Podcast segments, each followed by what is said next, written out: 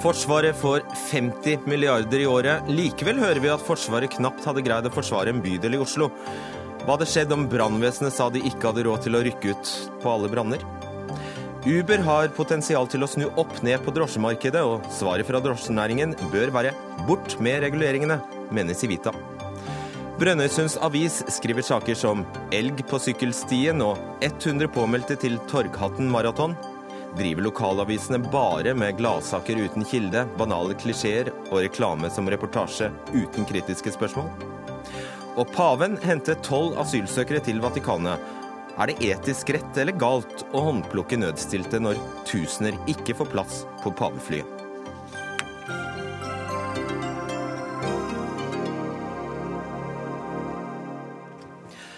God kveld og velkommen til Dagsnytt 18. Mitt navn er Fredrik Solvang. Hvor ille står det egentlig til med det norske forsvaret?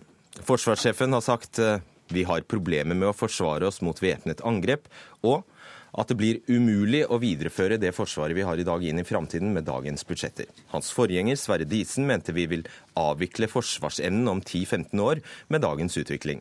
Generalløytnant Robert Mood har sagt at hæren maksimalt ville klare å forsvare en bydel i Oslo. Hærsjef Odin Johannessen sier hæren ikke kan bli mindre hvis den fortsatt skal være relevant. Og tidligere marinetopp Jakob Børresen sier Norge har avviklet Forsvaret. Det har altså ikke manglet på advarsler, og retorikken rundt forsvarsbudsjettene holdes på et høyt alarmistisk nivå. Før vi snakker om realismen i alarmismen, skal vi snakke om retorikken. Bård Vegar Solhjell, stortingsrepresentant for SV. Hva hadde skjedd om etatssjefene for sykehusene hadde sagt at uh, vi greier bare ikke behandle pasientene? Politiet hadde sagt at uh, vi greier bare ikke ta kjeltringene? Eller brannvesenet hadde sagt at vi har ikke råd til å rykke ut til alle brannene? Svaret på det tror jeg er ganske enkelt. Jeg måtte ha beklaga det eller gått av, etter uh, all sannsynlighet. Fordi sånne etatssjefer kan man ikke akseptere. Deres jobb det er faktisk å gjøre det best mulig innenfor de lover og de budsjetter som er vedtatt. Eh, sånn er det. Hvilke politiske følger ville det fått? Ja, Hvis det ikke gikk, hvis det var fortsatte, så ville antageligvis de kom til, til, statsråden kom til, måtte komme til kontrollkomiteen og forklare at det blitt en stor politisk skandale. Det, det, er rett og slett liksom, det bryter med måten vi styrer på. De skal gi faglige råd. Og, og hvis det er noe virkelig dramatisk, så skal de være varslere, folk som jobber der.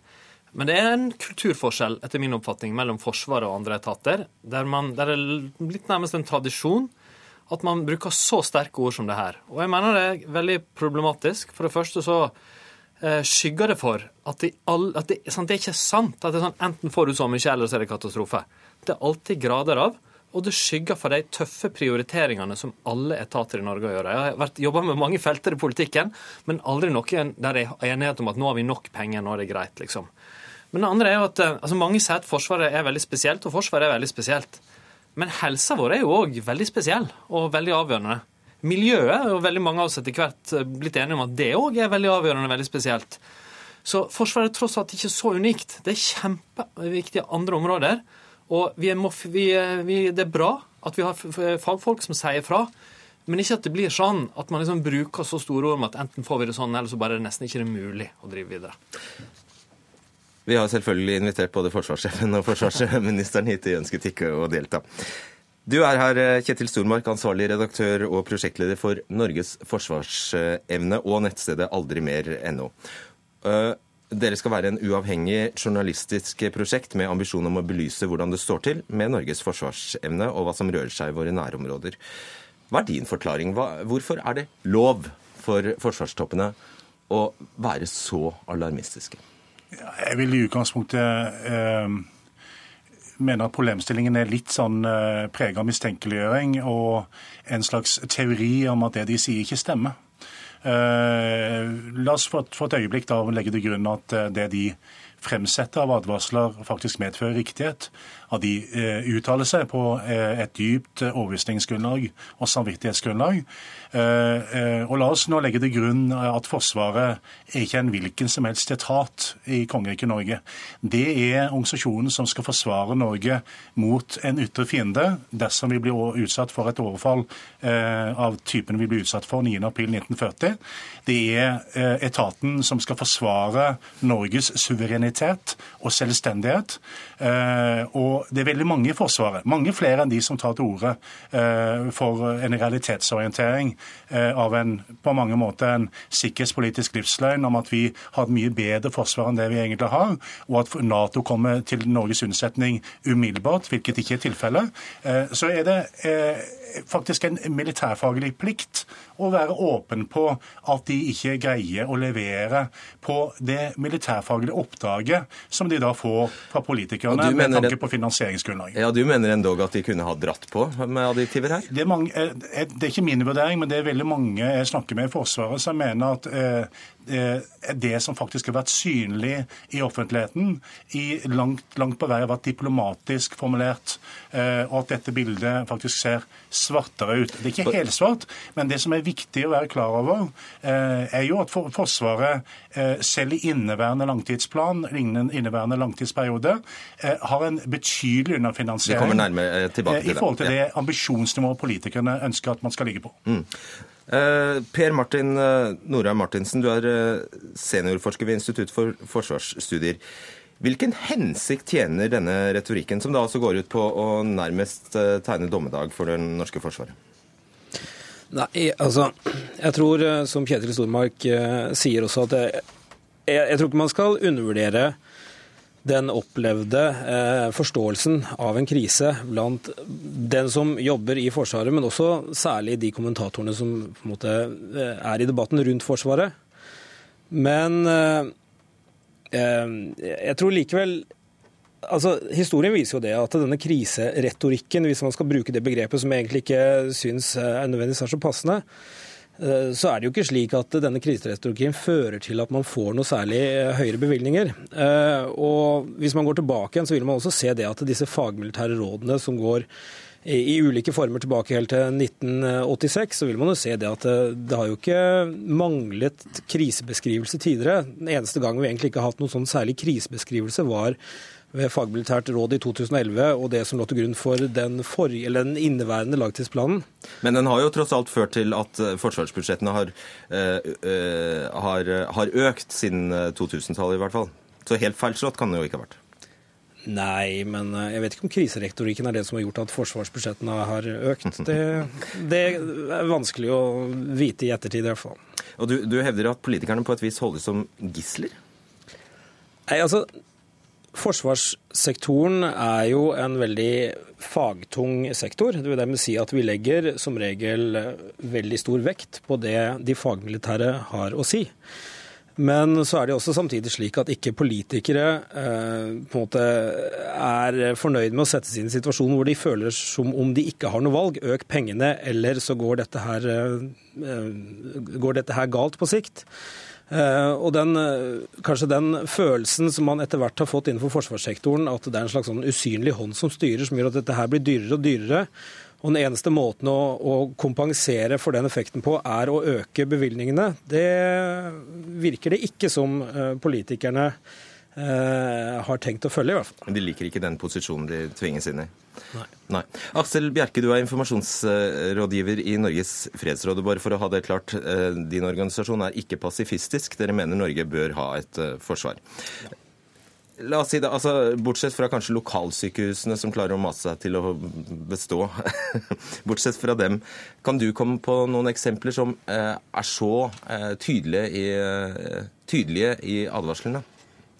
Nei, jeg kan i utgangspunktet ikke det. Men jeg mener at det er noe litt spesielt med Forsvaret. Som jeg har sagt tidligere her også, at forsvars, eh, altså Forsvarsdepartementet, forsvars, hærstyrkene våre, det er en litt spesiell sak eh, for hvem vi som nasjon er. Jeg tror det er et grunnleggende problem i denne debatten her sånn at det fort blir om økonomi. Det handler om mer penger. Og jeg kan forstå uh, når Forsvaret, hvis de selv mener at de har problemer med å nå målet med å beskytte Norge og delta i, i Nato-sammenheng slik vi da ønsker å gjøre, ser det ut til, og det har det vært i ganske lang tid nå. Også For oss i Fredsrådet så er det viktig å peke på at økonomi alene er ikke nok å snakke om. Det er mye mer grunnleggende debatt vi er ute etter. Det handler om Nato-sammenhengen. Det handler om hva slags forsvar vi ønsker å ha. Og da veit vi jo at andre land i Norden kan bruke mye mindre penger enn oss og ha et velfungerende forsvar som kan forsvare landet sitt i større grad enn det vi kan i dag. Uh, og Kortversjonen av, av, det handler om at dere mener vi, vi altfor mange premisser legges av Nato-medlemskap, sånn at vi ikke kan ha det mest hensiktsmessige forsvaret. Riktig. Spesialiseringen vår går jo veldig i Nato-sammenhengen. Eh, Solhjell, det kan jo, altså, hvordan kan du som sitter på et kontor på Stortinget vite bedre enn disse fagmilitære? Eh, det kan jeg ikke. Det er derfor jeg skal komme med sine faglige råd, og det skal delta i den offentlige debatten. Og hvis det var sånn at akkurat nå så var det så spesielt alvorlig Jeg tror det er behov for å øke forsvarsbudsjettene nå, men hvis det bare var det, så kunne jeg forstå Stormark sitt resonnement. Men det her er jo en tradisjon. og når og når det blir fast at man bruker veldig store ord om at hvis ikke man får mer penger, så, så går det galt, da slutter jo òg folk å høre på på samme måte. Da, da, blir det ikke lenger en varsling som legges merke til. Da blir det bare en helt annen kultur enn i andre etater. Og så, Hvis jeg får ta et eksempel, da.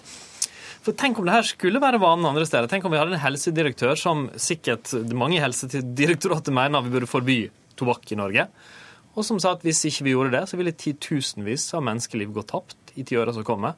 Og politikerne, hvis de ikke gjør det, så har de ansvaret for det. Og hvis det var kulturen i alle sektorer, så, så, tror jeg det ville bli veldig vanskelig å føre gode, ordentlige, opplyste debatter der vi faktisk vurderer ulike hensyn mot hverandre. Og Forsvaret er ekstremt viktig, det er veldig spesielt, men jeg vil stå fast på at utdanning til barna våre, at helse, at miljøet vårt er òg grunnleggende faktorer i hva slags samfunn vi er. Stormark. Altså jeg får litt den følelsen av når jeg sitter i denne debatten at, uh, at man ikke har tatt inn over seg den nye sikkerhetspolitiske virkeligheten. Det har skjedd et og annet i omgivelsene våre. Det har skjedd noe på Krim, det har skjedd noe i Øst-Ukraina. Vi ser uh, vår mektige nabo i øst har flyttet landegrenser i Europa med militærmakt for første gang siden annen verdenskrig. Det er uh, en reell evne som bare øker og øker militært i Russland. Dette er jo ikke uttalelser som har kommet de siste Nei. Men altså, det er jo sånn at Når etterretningssjefen og andre som presumptivt eh, er svært avdempa i ordbruken sin, fordi at man er redde for hvis man går for langt i å fortelle om hvordan det står til, så vil det kunne føre til en eskalering av en bilateral eh, diplomatisk krise med Russland, fordi de er veldig vare for Eh, enhver, hva skal jeg si, ethvert budskap da, fra norsk side som, som de blir fornærma over. Eh, eh, det er veldig avdempa det som da kommer fra offisielle hold, det som kommer fra Forsvarets side. Så det er viktig å ta inn over seg at det er noe som har endra seg de siste par åra. Jo, men en ting til. En ting til. Det er noe grunnleggende udemokratisk over denne diskusjonen.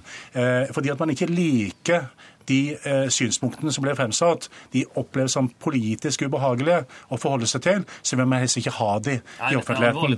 Det er veldig det, okay. La, la Solhjell svare på det. La Solhjell svare på det. Alvorlig talt, jeg vil ha faglige råd, tydelige faglige råd fra alle etater.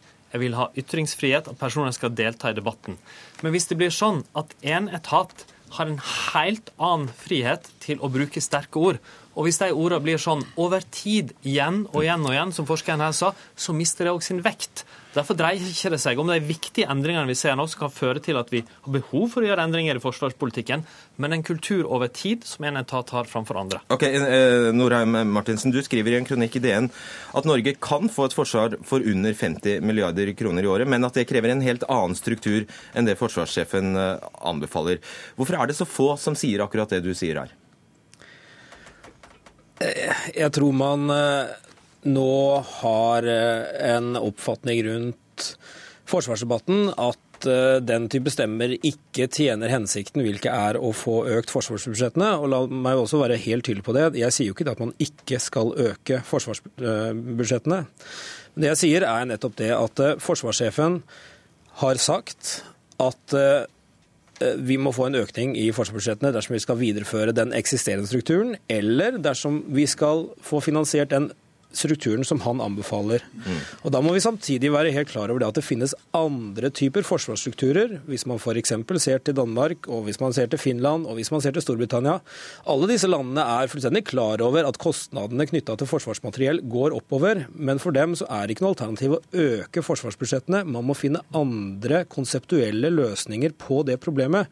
I Norge så opplever jeg at den eneste løsningen er å øke budsjettene. Og Da har du et ubåteksempel. Ja, altså man sier jo gjerne i den debatten at uh, man uh, Hvis man kjøper så og så mange kampfly, f.eks., så, så så man tvil om man vil ha finansen i orden for å skaffe ubåter. Ja, andre. Ja. ja, ikke sant? Mm. Men eh, jeg mener man må vri på den debatten og bare si det at dette her handler om prioriteringer. Det handler om prioriteringer som på alle andre politiske felt. Så må man heller konsentrere seg om de avgjørende kapasitetene vi trenger, og sørge for at man får til det. Du skal få slippe til, Stormark. Bare, bare først, Berke, det, det her dere mener at man bare burde kaste alle kortene opp i lufta og starte på nytt omtrent? Man burde i hvert fall ta en mye mer grunnleggende debatt om, om Forsvaret i Norge. Hva man egentlig ønsker, og hvordan man skal komme seg dit. Dette her med Nato og med Ukraina Russland. Det er et godt eksempel på, på, reelle ting som skjer, men også på en tankemåte som går rett inn i det vi har hatt i forhold til Nato-tankegangen. Akkurat som det ikke finnes noen andre alternativ for oss som nasjon, som skal ha et forsvar som kan forsvare våre grenser. Vi er nå medlemmene. Der er vi. Det er helt riktig. Men hvor avhengig blir vi av en slik allianse? Og hvor sikkert er det at de kan beskytte oss når det er tilfellet? Det er langt ifra sikkert. Mm. Altså, denne diskusjonen bærer også litt preg av at, eh, at Forsvaret eh, og et nasjonalt forsvar er et hvilket som helst politikkområde, for det er det jo faktisk ikke. Statens viktigste oppgave er å forsvare sikkerheten til sine innbyggere.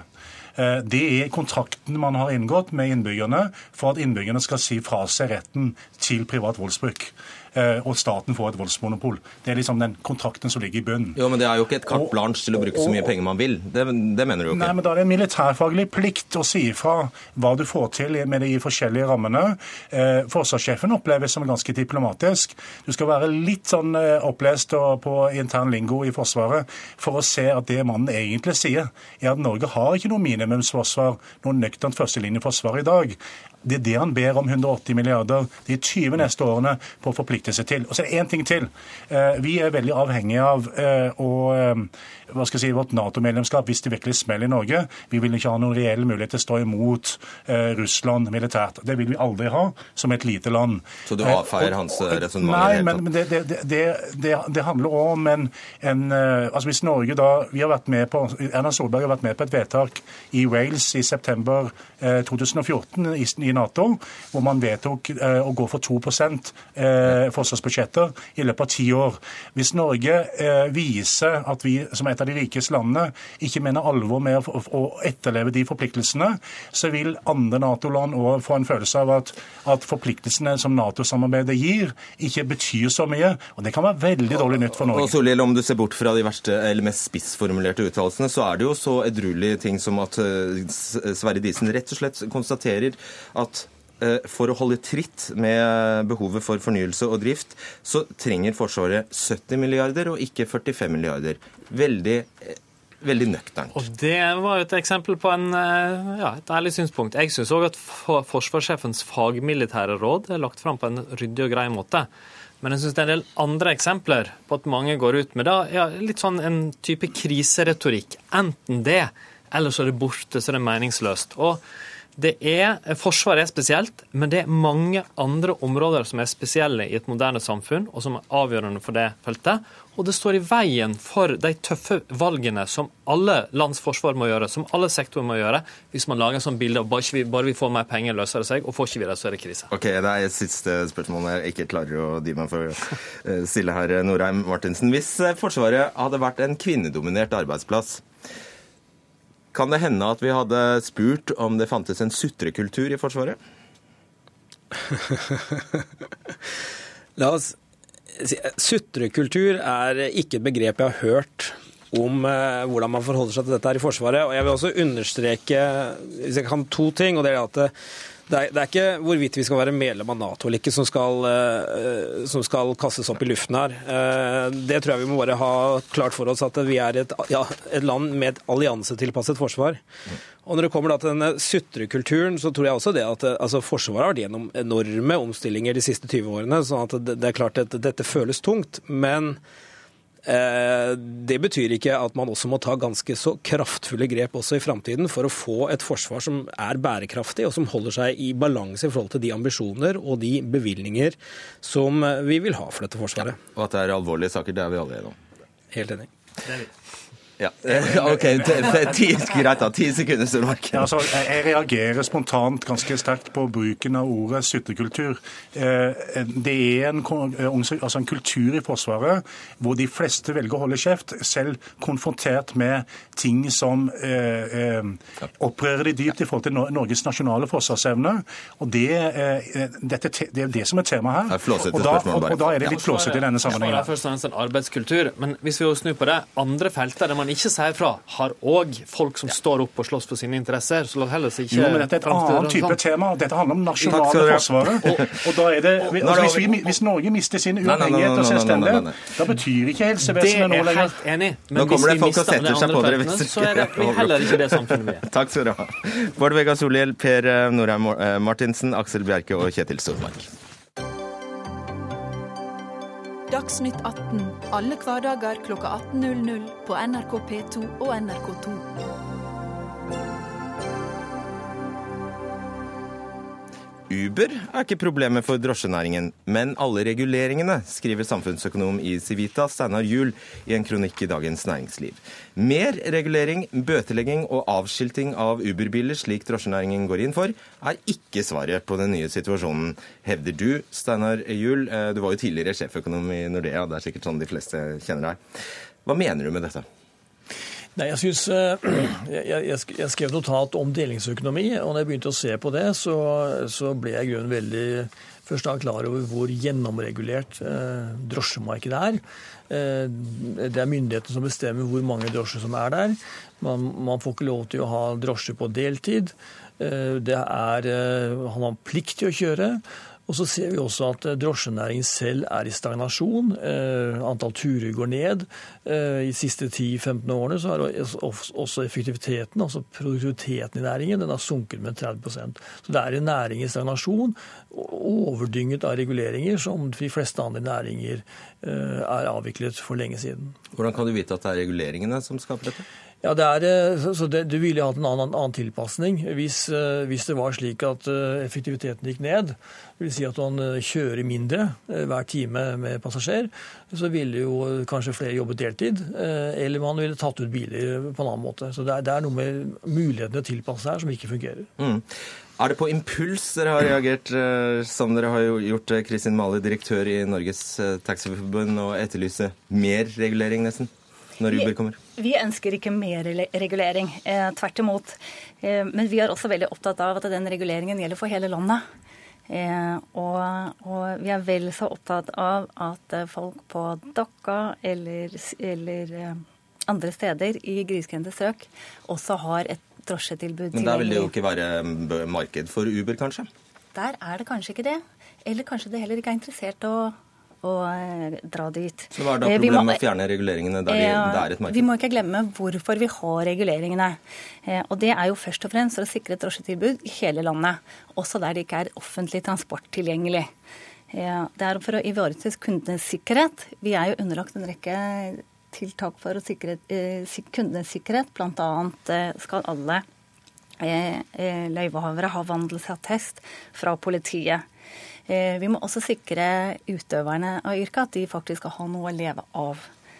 Ja, og drosjenæringen er faktisk også en, en, en, viktig del av velferdstilbudet i Norge. Ja, eh, Jul. Altså, jeg, jeg, kan ikke se at det skal være noen grunn til at man må ha tillatelse for å etablere en, uh, kjøpe en taxi og drive taxivirksomhet. Uh, hvis man skal sette opp en matbutikk på hjørnet, så kan man gjøre det hvis man har lyst til det, og vi mener marked for det.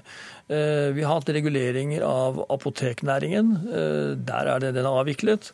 Vi har hatt regulering av den næringen jeg selv kom fra, banknæringen, som er avviklet, hvor man ikke kunne etablere filialer rundt omkring i landet. Et helt uregulert bankvesen har vi jo sett hvordan det Et helt uregulert bankvesen er så sin side, men det er, har jo reguleringer på den måten at, eh, at det går på sikkerhet og sånn.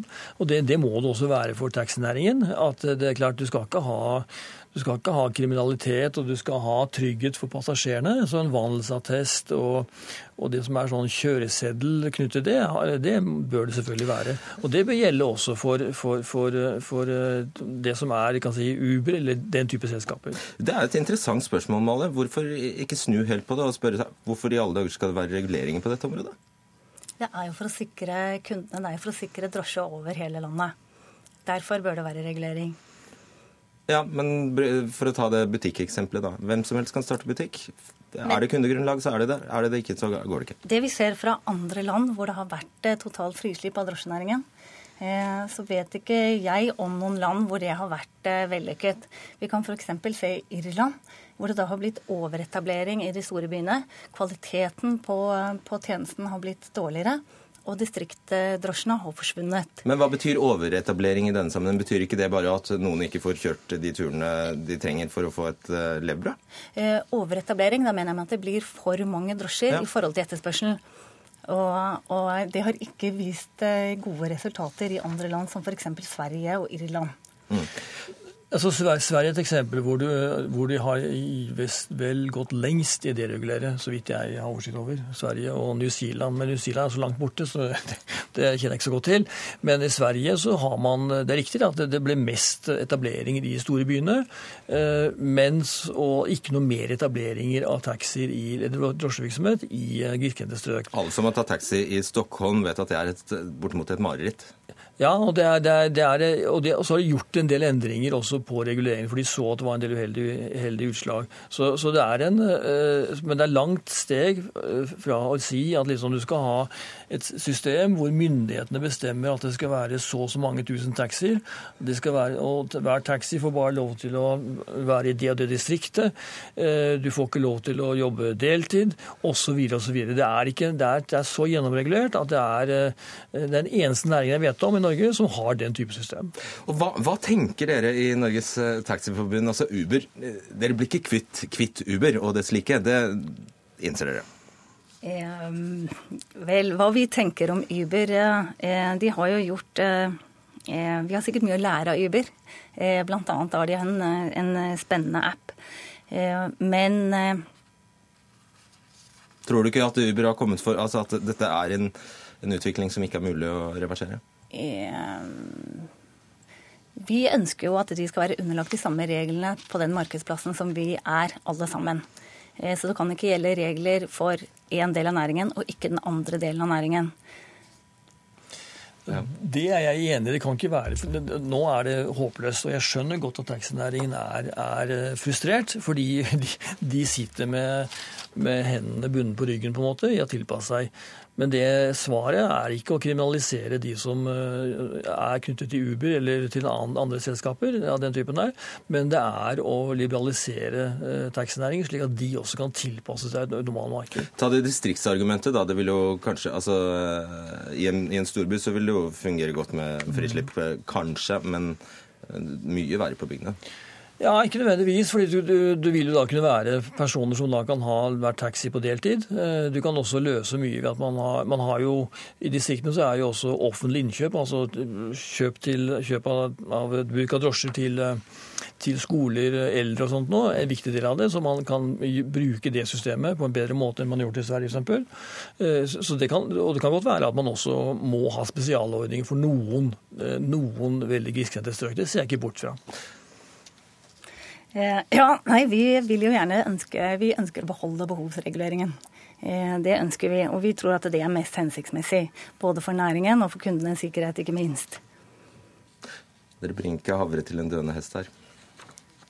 Hva sa du nå? Du er sikker på at dere altså, Nei, la meg, la meg stille et annet spørsmål til slutt. Er det noe dere kan lære av Uber? Helt sikkert. Og det er helt sikkert mye vi kan lære av andre aktører også. Hva da? Eh, F.eks. appen deres er veldig enkel og veldig kundetilpasset. Da må man sette ned prisene? Eh, det kan vi sikkert også eh, se på. Absolutt. Men jeg er helt sikker på at Uber har noe å lære av oss også. F.eks. hvordan man skal ivareta de ansattes interesse. Begynne å skatte? Ja. Og også i forhold til å opprettholde tilbudet, som er sagt, over hele landet. Og også betale skatter og avgifter. Okay. Jeg vil gjerne benytte sjansen ja. til å nevne at, eh, at, eh, den norske drosjenæringen bidrar med 3 milliarder i året til velferdsstaten Norge. Eh, og vi kjører også 32 millioner turer i året. Så det er en betydelig næring. Betale skatter må selvfølgelig alle gjøre. Mm. Helt klart. Og vi må ha ordninger som sikrer at de ikke er kriminelle som er sjåfører, og som sikrer at, de, at, at passasjerene er trygge. Det, det, har man slitt med også i taxinæringen innimellom, så, så, det er ikke noen sånn garanti for det man det har systemet der heller. Det er mer, det, reguleringen der går mer på konkurransen som er begrenset, og som gjør at næringen selv er bundet på hender og føtter. Ja. Det er det som er problemet. Og nå venter vi på politikerne. Ja. Takk skal dere ha, Steinar Juel og Kristin Male.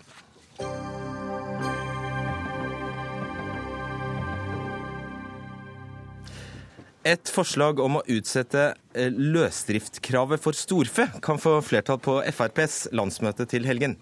Rogaland Frp kommer til å fremme forslag om å utsette kravet om løsdrift i ti nye år, altså fram til 2034, skriver Nasjonen i dag. Og siden 2004 eh, har det vært pålegg om at alle nye fjøs skal være løsdriftsfjøs, som betyr at kyrne får gå fritt rundt inne i fjøset. FrPs eh, landbrukspolitiske talsmann Morten Ørsal eh, Johansen. Du sier til Nasjonen at partiet, eller at eh, du vil støtte dette forslaget på landsmøtet til helgen. Hvorfor det? Nei, Jeg har sett at det kan være litt urimelig for enkelte små bruk spesielt å, å være bastant på det kravet nå. La dem få litt bedre tid til å, forberede seg. Eh, la dem få muligheten til eventuelt å vurdere om de har tenkt å fortsette med driften sin, om de har tenkt å avvikle det. Og Da syns jeg det er greit å få den tida. De mange av disse har fullgode båsfjøs i dag. Veldig gode, gode fjøs. Det er da litt urimelig at de skal pålegges den ekstra utgiften det er å bygge nytt innen 2024, eh, når de da har eh, fjøs som fungerer. og Det vil gjøre at mange av disse vil få problemer med å få en lønnsom drift. Og Da syns jeg det er riktig å utsette det og se om det er, eh, er eh, muligheter å, å, løse det på en litt bedre måte enn å være bastant på kravet. Og Du er jo veldig opptatt ellers av rettferdig konkurranse som eh, Frp-er. Hvor urettferdig er ikke dette overfor alle de som faktisk har fulgt dette kravet og nå, gjort disse investeringene? Nå har mange av de som har gjort dette, gjort det fordi de var nødt til å investere på nytt, fordi de hadde ikke brukbare fjøs tidligere, eller at de ønsker å utvide driften sin og derfor har De sitter jo med kjempegjeld, de nå. Ja, Mange av dem sitter med, med stor gjeld fordi de da var, måtte bygge om. Og det er jo sånn nå at hvis noen må bygge om, de er nødt til å bygge om for der båsfjøs ikke er bra nok, så trår kravet inn uansett. Men det er de som har fullgode fjøs i dag, og som har fullgode fjøs fram til 2024, de syns jeg kan få den utsettelsen.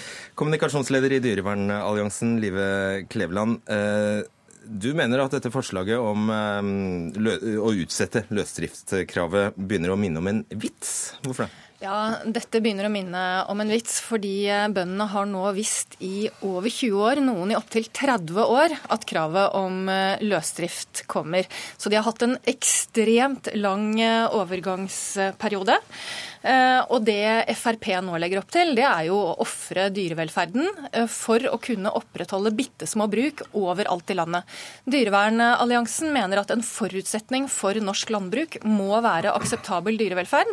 Eh, og med den kunnskapen som vi i dag har om kyr, så vet vi at løsdriftsfjøs er den eneste akseptable løsningen for dyrevelferden. Så er det også det vi må snakke entydig på det punktet? Er forskningen, er forskningen helt entydig på det punktet? Enhver som prøver prøver å si noe annet, er totalt okay. useriøs. Nei. Så det er helt Vi får sjekke. Nå får du gi deg. Dette, dette var en vits å høre. Det er ingen forskning som sier noen ting om at det er store fordeler med å ha løsdriftsløs. Ja, det skulle sidekvinnen din få si. Leder i Norsk, Norsk Bonde- og Småbrukarlag, Merete Furuberg. Eh, det høres jo veldig logisk ut at eh, hvis kyrne får gå fritt, så, så, har de det i hvert fall bedre enn om de må stå på bås? Eh, det er ikke entydig forskning som viser det. Det må vi totalt tilbakevise. Og det viktigste det er rett og slett at vi har god dyrevelferd. Kan de ha det bedre ved å stå og, på bås? Og få til det at vi får dyr til å gå ut på beite og få et sunt dyrevelferd. Og vi har det slik at det først og fremst røkt veksteren og de som steller dyra. Og det er Men bare svar på det, sånn at vi andre, sånn at vi andre forstår. Det er ingen entydig forskning som viser at løsdrift er eh, det beste for dyrevelferd. Men finnes det motsatt forskning som viser at det beste er å stå på bås? Eh, det finnes motsatt forskning som viser at her må en se en helhet. Og det viktigste er at dyr kommer ut på beite, og at du steller dyra bra.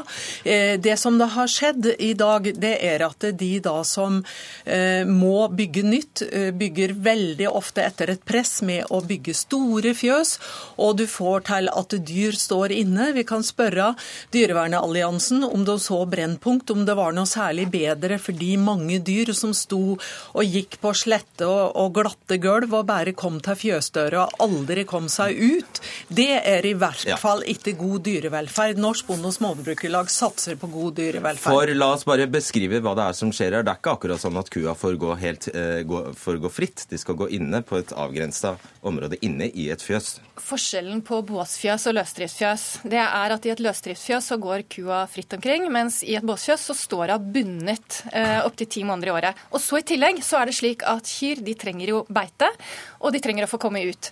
Eh, og Nå har eh, nettopp bondeorganisasjonene vært med på å svekke det kravet også, slik at nå er beitekravet Nei, det- eh, svekka til fordel for at de skal kunne luftes på en betongplatting. Det Og det, jeg få jeg vil bare- korrigere. det Dette er korrekt. Det jeg vil Norsk Bonde- og presisere Småbrukerlag har aldri i livet gått inn for å skulle svekke beiting. Snarere tvert imot.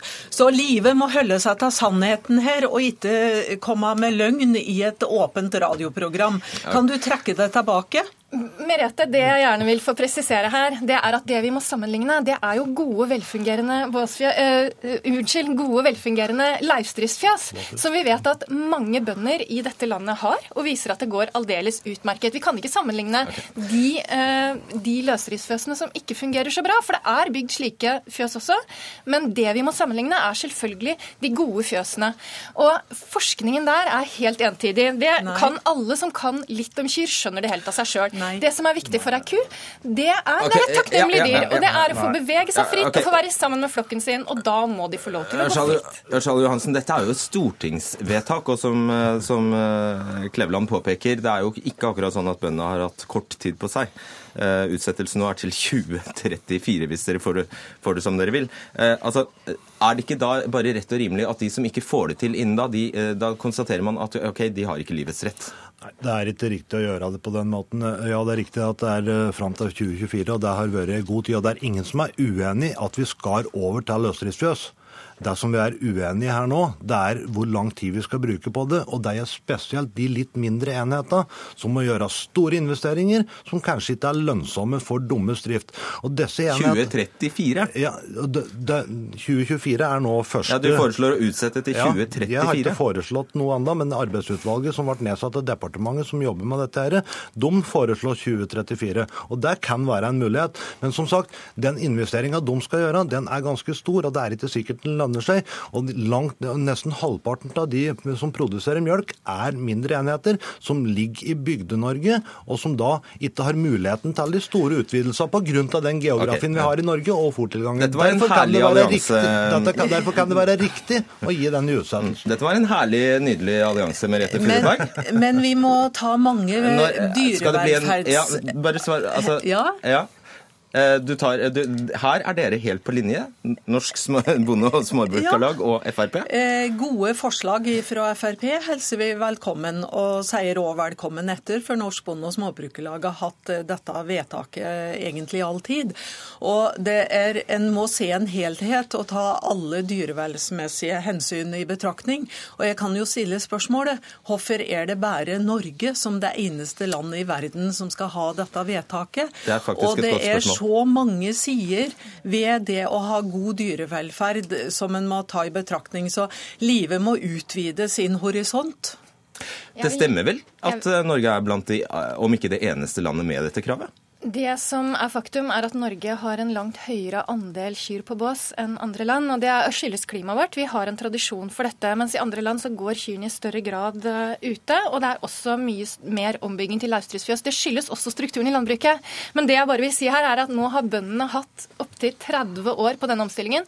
Bondeorganisasjonene og Bonde- og Småbrukarlaget har hatt et ansvar for å framforhandle i jordbruksforhandlingene investeringsstøtte til disse tiltakene gjennom over 20 år. Den muligheten har dere ikke brukt. Og så er det også det at mange av de fjøsene som Norge har i dag, de er bygd på 70- og 80-tallet. Litt under halvparten av fjøsene våre er det. Eh, De er nå eh, 35-45 år gamle og modne snart for utskiftning. Sånn at er det noen gang man skal investere i eh, i mjølkeproduksjonen i Norge, da er det nå. Og det syns jeg er litt rart at Fremskrittspartiet i hvert fall ikke nevner. Og så er det jo slik Kanskje høre etter hva vi sier, da. Det kan være en fordel her. Vi sier da at hvis noen nå må gjøre investeringer, må bygge om og fornye båsfjøsene sine før 2024, så er kravet der fortsatt om at de skal bygge løsdriftsfjøs. Men for de som har gode, fungerende fjøs fram til 24 og kanskje noen år etterpå, ja, så kan vi gi dem muligheten til å drive i de fjøsa så lenge de har muligheten, og se om de da vil gjøre den investeringa, eller om de velger å legge om produksjonen sin. Og det er det du skal ha til at det ikke blir konkurransevridende. Hvordan får du det til? Nei, Det blir jo ikke konkurransevridende. Når de som, hvis de er nødt til å, å investere nå, er nødt til å gjøre fornyinger, ja, så må de bygge løsdriftsfjøs. Men for de som har fullt fungerende fjøs, og som kanskje vurderer å legge ned eller omstille drifta si, så skal de få muligheten til det uten først å måtte gjøre seg til gjeldsslaver. Se- Til slutt, Furuberg. Altså, det, du, du er ikke helt enig med, med Norges Bondelag her? Altså, Lars eh, Petter Bartnes sier til Nasjonen at det er viktigere med investeringer faktisk i næringen enn å utsette dette kravet. Eh, Vi har ikke imot investeringer på noen måte, men da må det være investeringer i forhold til det arealet og ressursgrunnlaget. Og vi setter dyrevelferd veldig høyt, og jeg vil tilbakevise at det er eh, den feilen som eh, Live har kommet med. Det er ingen entydig forskning som viser det. Og det er mange land i verden som har flere båsfjøs enn i Norge. Ok. Og Norge er det eneste landet som har løsdriftskrav. Så livet må komme med sannheten her i programmet. Vi får spørre kua. Takk skal dere ha, Morten Ørsal Johansen, Merete Furuberg og Live Klevland. Hør Dagsnytt 18 når du vil. Radio NRK Radio.nrk.no.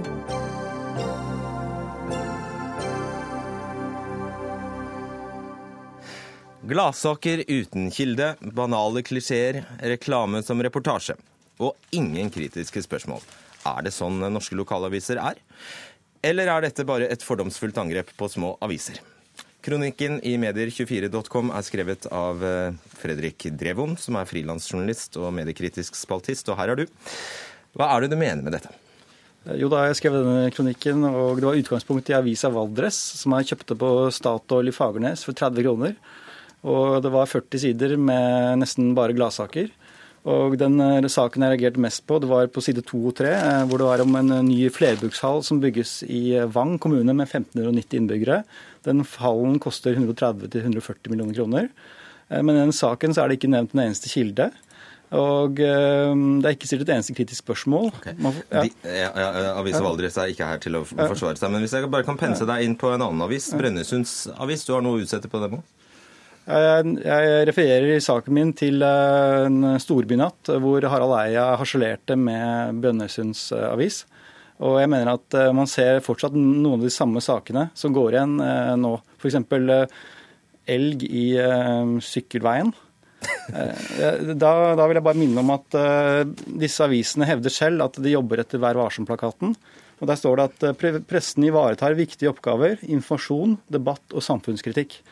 Eh, Og eh, de må gjerne skrive om, eh, om elg Elg på sykkel- på sykkelstien Mm. og kjøre masse saker på det, men, men, men da burde de gjøre det uten offentlig støtte. Okay. For det er, ikke, det er ikke i lokalsamfunnets interesse.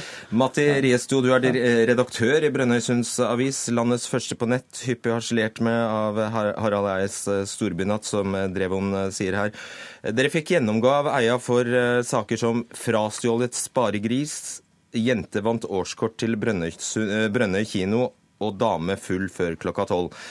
Og så er det slik eh, Drevon eh, sier her, at fem år etter storbynatt så er, kan toppsakene på BA-nett være elg på sykkelstien eller 100 påmeldte til Torghatten maraton. Dere lærte ikke noe? Det, du snakker nå ikke om, om saker som er toppsaker, men du finner sånne ting også. Og så finner du veldig, veldig mye mer. Og hvis Drevon drar i gang noe som kan være en viktig debatt, men da må det være litt mer basert på enn at man reiser på hytta på Valdres, og så kjøper man en avis, og så surfer man litt på BR-nett en lørdag.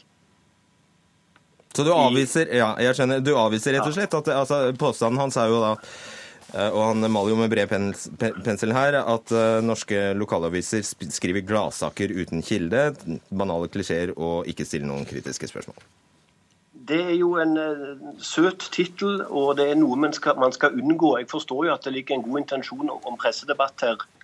Men, men, da må du jo liksom starte den i en annen ende enn et TV-program i 2010, og så litt sånn små, småsurfing på BR-nett en lørdag når du skriver kronikken. Da fikk du passe på det, Drevon. Okay, jeg, har, jeg har eh, dokumentert i bøtter og spann eh, hvordan eh, avisa Valdres holder på, og ikke klarer å levere seriøs journalistikk. Og de klarer ikke å stille kritiske spørsmål. Og så kan jeg, kan jeg spørre videre om dette er et mer generelt problem. Jeg, jeg sier i saken at jeg, jeg, hevder ikke at alle norske lokalaviser er dårlige, eller bare leverer gladsaker. Men, eh, men, jeg spør om en selvransakelse, om at avisene burde spørre seg selv hvor mye av det vi produserer er gladsaker og trivia. Og Det finnes mange andre eksempler. F.eks. i Akershus Amtstidene 12.4.2016 så er det på lederplass om eh, Drøbak-gutten eh, Ludvig Asplund Holstad som kom på åttendeplass i et sykkelritt i Frankrike. Og Da skriver vi i lederartikkelen at det er vår oppgave da, å, å heie på han. Og de skriver da Eh, men avis er, er, som kjent ikke bare gladsaker. Vi skal også sette dagsorden. I dag er dagsorden 17-åring fra Drøbak, som vi har skrevet om gjennom flere år. Hva er gærent med det? De, sette, altså de, sier at det, de skal sette dagsorden med en gladsak. Okay.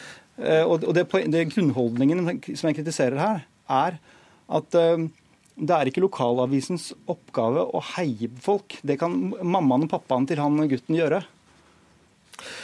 Men, men, det kan du jo si om all norsk presse. altså Hvorfor er det norsk presse sin, sin oppgave å, å heie på, på, syklister og skiløpere og alt mulig? Altså hvor, Hvorfor bare oss, Drevon? Og når vi er inne på det, Hvorfor i alle dager syns du det er feil at vi skriver at det er 100 påmeldte til vårt lokale maraton? Eh, saken er at det, Mange av de samme tingene gjelder for, eh, også for riksaviser. Og VG har også hatt en nylig sak om eh, dame full før klokka tolv. Ja, bare... men Hvorfor er det galt at vi skriver hvor mange som er påmeldt til vårt lokale maraton? Det er ikke den mest vesentlige informasjonen som lokalsamfunnet trenger. De, de, er opptatt av at det skal være informasjon, debatt og samfunnskritikk. Og dette, dette, går på en grunnholdning. Og, og, Forskjellen mellom lokalavisen og Riksavisen er at lokalavisen har dette som et uttalt prosjekt å levere gradsaker. Vi skal introdusere Thomas Bruvik. Du er redaktør i Kvinneherringen og nestleder i styret for Landslaget for lokalaviser, LLA. Og dere har nettopp hatt landsmøte. Du har lest kronikken til Drevon og er rystet over hva han skriver. Hvorfor det? Jeg er egentlig det. Eh, jeg har sagt mange ganger at vi driver ikke djupt eh, kritisk journalistikk hele tida. Eh, men det er akkurat som alle andre i mediebransjen. Og vi har sett ufattelig mange gode eksempel på gode lokalaviser under landsmøtet. Og I Drivon artikkel så henger han ut én enkeltavis, basert på å ha lest én eneste avis på papir. I dag har jeg lest den mest leste saka i Teknisk Ukeblad i 2012 om ei hytte du kan få til 62 000 kroner. Den er skrevet av Fredrik Drevon. Og For å bruke Drevon sin måte å argumentere på, etter å ha lest den så kan jeg si følgende om Teknisk Ukeblad. Her er det null kritisk journalistikk. Alt er reklamemarkedsføring. Det er ikke ei eneste kjelde.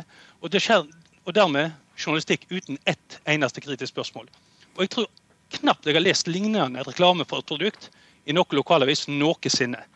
Og, men, heldig, men, men, heldig, heldig, men, bare, la meg fullføre, men heldigvis så vet jeg bedre. Jeg vil ikke fornærme Teknisk Ukeblad basert på én artikkel. Eh, jeg vet de er dyktige og driver med mye god journalistikk, og dømmer de ikke basert på det. Og for, og for å bruke Drevon sine ord dette er ikke nærleken av å drive journalistikk. Uff. Det er en veldig spesiell eh, argumentasjonsteknikk han bruker. for Istedenfor å, å eh, ta debatten og være med på hvordan, og se på hvordan lokalavisen kan bli bedre, så eh, bruker han hele dagen på å google. Og jeg, Den saken som han nevner, er jeg veldig stolt av. Jeg syns det er en god sak. Og det er helt feil han sier, at, at det er ikke en kilde der. Der var jeg i kontakt okay. med produsenten av hytta og fikk teknisk informasjon om, dette, om denne hytta. Så jeg bare vil oppfordre ja, ham til å lese saken. Le, nødvendigvis lese Les saken en gang til. Men, ja, jeg har lest den faktisk flere ganger i dag, og jeg har lest flere andre saker av deg eh, som jeg rimelig liker. Og jeg, jeg syns jo synd på Avisa Valdres. Har du lest de tidligere avisene av Avisa Valdres? Kanskje har de vært, drevet kritisk journalistikk om denne saka hele veien. Og så kommer de med en sak om at bygget skal åpne. Altså, altså hvor, eh, hvor, gode er kildene dine? Jeg har lest, lest avisa Valdres i 30 år, eh, for min mor kommer fra Fagernes. og jeg har vært veldig mye område der. Jeg har fulgt avisen over lang tid. Det er ikke bare én uh... Men, men abonnerer du på den sånn at du vet hvor mye de Nei, har jeg ville skrevet? i aldri, jeg ville aldri drømme om å abonnere på den. Ok, Brøvik, eh, tilbake, litt tilbake til utgangspunktet her. Eh, det er jo ikke første gang at eh, lokale norske lokalaviser beskyldes for å drive for lite viktig journalistikk. Eh, Det har, tidligere, det har du selv tidligere svart, at dere eh, ikke kommer til å vinne noen Scoop-priser. Er det ikke noe her som handler om ambisjonsnivået til lokalavisene? Jeg tror lokalavisen har ambisjoner hele tida. for å snakke for oss sjøl, så har vi ambisjoner hver eneste dag for å skrive og lage gode saker. Gode, viktige saker for lokalsamfunnet vårt, med mange kilder. Og, og, og hva skulle en gjort uten lokalsam, ja, lokalavis og lokalsamfunnet, da? Eh, skulle Drevon sittet i Oslo og skrevet saker for oss? Det hadde vært bra. Ok, Drevon, siste ord. Ok, så eh, det, det disse andre debattantene her eh, ikke har fått med seg, det er at eh, det er et viktig element med hensyn til at hva er egentlig lokaljournalistens rolle? Og lokaljournalisten har et press på seg om å levere gladsaker. Og hvordan skal han ellers kunne Nei, se folk nei, i- nei, nei, jo, nei. det. Hvordan skal han ellers kunne se folk i øynene på den lokale kafeen hvis han har stilt kritiske spørsmål? Og der har vi et tabu som, vi, som er verdt å ta ta men opp. jeg, jeg, jeg tror det er du som misforstår hva okay. lokaljournalistikk handler om. Vi avslutter der. Takk skal dere ha, Fredrik Drevon, Matti Riesto og Thomas Bruvik.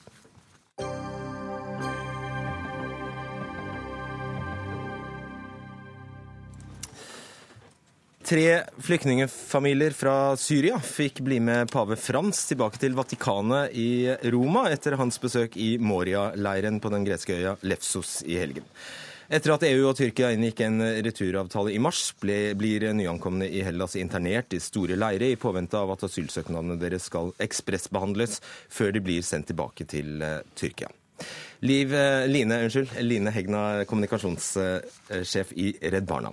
Så tok altså paven med seg tolv syriske flyktninger, derav seks barn, tilbake til Vatikanet. Mens tusener ble stående igjen i leiren. En god eller dårlig handling? En god handling, en tung symbolsk eh, handling. Eh, Det er den siste i rekken av mange tungt symbolske handlinger som eh, pave Frans har gjort. Mange husker kanskje at han i påsken vasket bena på flyktninger. Eh, Da han tok med seg disse flyktningene hjem, så tok han ansvar for mennesker i nød, og gjennom det så sendte han også et eh, veldig tydelig signal til eh, ledere med makt og myndighet til å gjøre det samme om at de skal gjøre, ta et større ansvar. Og det er det vi også mener at Norge må gjøre. Ta et større ansvar for barn i nød og på flukt. Arne Johan Vetlesen, professor i filosofi ved Universitetet i Oslo, på med oss på linje fra Tønsberg. Kan du beskrive hvilket etisk dilemma paven sto overfor da han altså lot et dusin flyktninger få en lys framtid, og med ett var ute av leiren om bord i flyet sammen med paven på vei til Vatikanstaten i Roma, samtidig som alle disse tusenene ble stående igjen? Ja, Dilemmaet kan jo beskrives eh, slik du legger opp til, nemlig at det er noe eh, vilkårlig, noe tilfeldig ved at han da velger ut akkurat de eh, han gjør.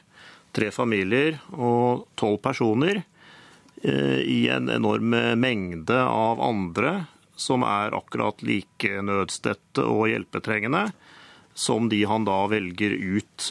Så det er nok paven helt klar over at det da er en faktisk eh, forskjellsbehandling, at han privilegerer disse veldig få, og så må de andre bare bli værende der de er. Eh, Men paven har vel ment å se lenger enn at dette da er et eh, dilemma, og tenkt at han viser noe. Det er en form for gest, det er et signal. Han gir jo da denne massen av mennesker noen ansikter, og vi har fått en sak, det er derfor vi sitter her og snakker om det nå.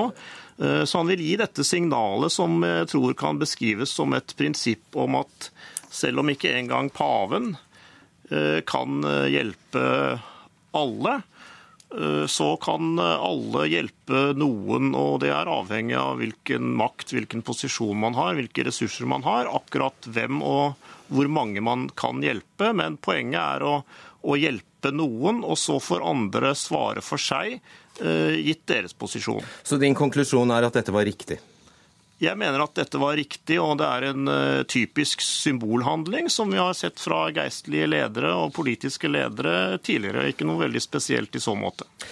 Hegna, det kan ikke være det at man kaster blår i uh, altså Du sier det er selvfølgelig er det et symbol. Det kan ikke heller fungere slik at det, kaster blår i øynene på alle de som nå går rundt og tror at de skal bli hentet med et pavefly Jeg tror realiteten for de som er i leirene nå, er at uh, de har veldig lite håp om en, om en god framtid. Jeg snakket med en av våre frivillige som er i Moria-kampen leiren hver dag, og, og er sammen med barna der. Og de lever under forferdelige vanskelige forhold med lite og dårlig mat, ja, med men, mye aggresjon. Hva eh, hjelper det da at paven henter tolv mennesker ut? Altså, han viser jo rett og slett at man må ikke bli handlingslammet i møte med denne enorme nøden. Og det er jo det Europa har blitt. Altså, man har rett og slett blitt redd eh, for eh, de flyktningene som eh, Altså i møte med de som har søkt tilflukt eh, i Europa.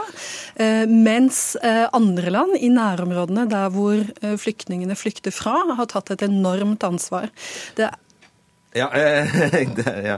Vetlesen, eh, Vetlesen eh, vi, vi, vet jo veldig lite om hvilke kriterier paven brukte, men, men ut fra det vi har lest, så kan det virke som at det var nokså vilkårlig ut, utvelgelse som foregikk her. Og hvis det var vilkårlig, da, kan, man da på noe som helst vis argumentere for at, uh, altså at helt vilkårlig utvelgelse er verre enn ingen?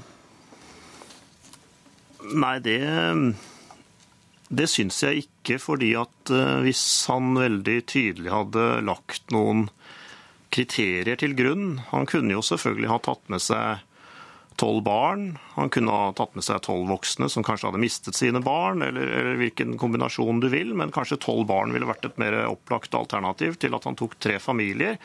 Så kan man jo si at selv om han da bare tok barn, altså av de han tok, så var 100% barn, så ville jo alle mulige andre barn som også var der, eh, bli værende igjen. Så han kommer jo ikke vekk fra at han gjør et, et utvalg, og at det blir en eh, forskjellsbehandling for, for, alle de andre. Så jeg tror ikke akkurat hva som er eh, kriteriet er det vesentlige. Og hvis vi får inntrykk av at det var genuint tilfeldig, eller, eller, bare oppsto der og da, mer eller mindre spontant, at han tok med seg akkurat de han tok med seg, så tenker jeg at eh, symboleffekten dermed egentlig er desto sterkere, til forskjell fra hvis det skulle være noe som var planlagt eh, eller beregnet på forhånd. Det er jo det stikk motsatte av det FN gjør med sine kvoteflyktninger. Der er det helt strenge kriterier og forutsigbare kriterier. Ja, og det, det kan være at det er en form for medmenneskelig spontanitet Eh, nestekjærlighet. Altså det å reagere overfor møte med noen få. Vi har jo sett det samme med toåringen som ble fotografert druknet på stranden og sendt verden rundt. ikke sant? At det er ofte det med å, å la noen få skjebner, noen få ansikter tre frem, Eh, som er det som skal til for å gi et bilde for alle som ikke kan få det, selvfølgelig, i den situasjonen som er med så mange millioner. Line Hegna, med disse, eller før, eh, nei, med disse tolv så er det nå 20 asylsøkere i hele Vatikanstaten. Det er ikke en, akkurat en stor eh, stat, men det vi vet om den katolske kirke, er at det er en av verdens rikeste og mektigste institusjoner. Så da er jo dette en dråpe i havet. Det er jo ingenting. Jeg tror sammenlignet, Hvis man sammenligner, uh, har jeg hørt, uh, det tallet de tok imot uh, med Norge, så skulle vi ha tatt imot rundt 138 000. Men det stemmer at Vatikanstaten er et rikt og fredelig stat. Norge er også et rikt og fredelig land, og derfor har vi et spesielt stort ansvar for å ta vare på mennesker i nød og gjøre alt det vi kan. Og det er et helt feil, feilskjær, tror jeg, eller en avsporing av debatten blir moralsk opprørt over at paven har utvist en god handling, så er det selvfølgelig sånn at stater må ha eh, klare, gjennomsiktige kriterier, som også de flyktningene kjenner, eh, om eh, hvordan man skal få asyl og opphold. Og Norge og, Europa, og Norge og Europa burde bruke sin energi på å få på plass de systemene og ta flere eh, trygge og lovlige eh, måter til Og at det ikke er trynefaktor som gjelder seg. Ja. ja. Vi har ikke mer tid. Takk skal dere ha. Line Hegna og Arne Johan Vetlesen. For denne sendingen er over. Det var Dag Dørum som var ansvarlig for den. Teknisk ansvarlig Frode Thorshaug og studio Fredrik Solvang. God kveld.